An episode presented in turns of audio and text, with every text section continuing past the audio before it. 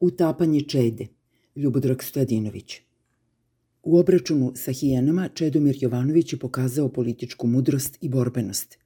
Njegov safari usred Beogradske palanke zapažen je na visokom mestu. Vladalac je odmah odlučio da utopi Čedu. Čeda ume sa reketom, a ima i dobru stolicu. Uzdržan je, staložen, ume da popije, ali je otporan na opijate.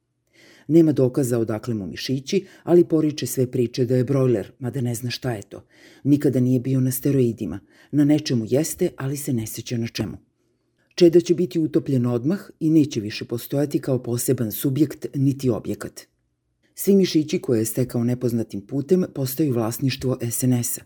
Čeda je pristao da deo tog kapitala preda Vučiću u zamenu za Sarapino salo – Potrebno je da izgleda kao da je nastao ukrštanjem šapića i sarape, tako bi najlakše bio utopljen bez plutanja.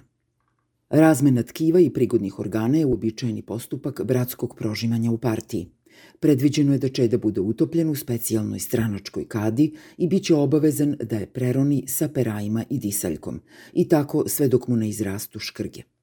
Inicijaciju utapanja vodit će prethodni utopljenik Šapić, koji se već navikao na čudovišni podvodni i nadzemni svet.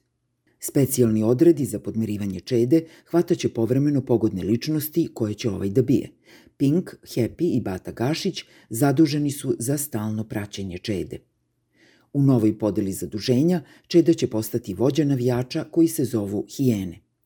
Pre nego što preuzme tu važnu dužnost, moraće da putuje i upozna se sa načinom života tih divnih stvorenja. Umesto dalekog i skupog putovanja, moguće susret sa hijenama u Skupštini. Ostavljena je mogućnost da zbog manjeg smrada Čeda ipak izabere varijantu putovanja do prirodnog staništa hijena. Humanije su mnogo pametnije i imaju razvijen osjećaj za dijalog. Ne hrane se u skupštinskom restoranu, koriste samo nemleveno meso i leševe poznatog porekla. Hijene koje su tukle čedu posebnim ukazom određene su za njegove telohranitelje, a čeda za njihove. Na tribinama hale sportova ponovo se čuju uzvici Vučiću pederu. Godinama je silom sprečavano da Vučić bude peder. Vučić peder ni u kom slučaju ne predstavlja rodnu odrednicu niti aluziju na erotski pravac vladaoca, već samo oblik bliskosti i tepanja. To je više onako znak poštovanja i ljubavi koje predsednik nije imao, a ako jeste, nije razumeo. Iz nekog razloga koji nije poznat, to ga je opasno nerviralo i dovodilo u stanje dodatno sužene svesti. Utapanje čede ima smisla u pokušajima da se ponovo spreče takvi uzvici. Čeda sa hijenama i sarapom, to će biti prizor od koga zastaje glas. Čuvajući Vučića da ne bude peder, Čeda brani svoju porodicu od kioska za brzu hranu.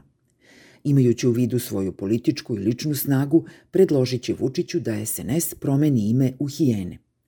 Bez tog prirodnog preimenovanja i usklađivanja sa suštinom, utapanje šapića i čede nema nikakvog smisla. Nadiranje hijena se već osjeća.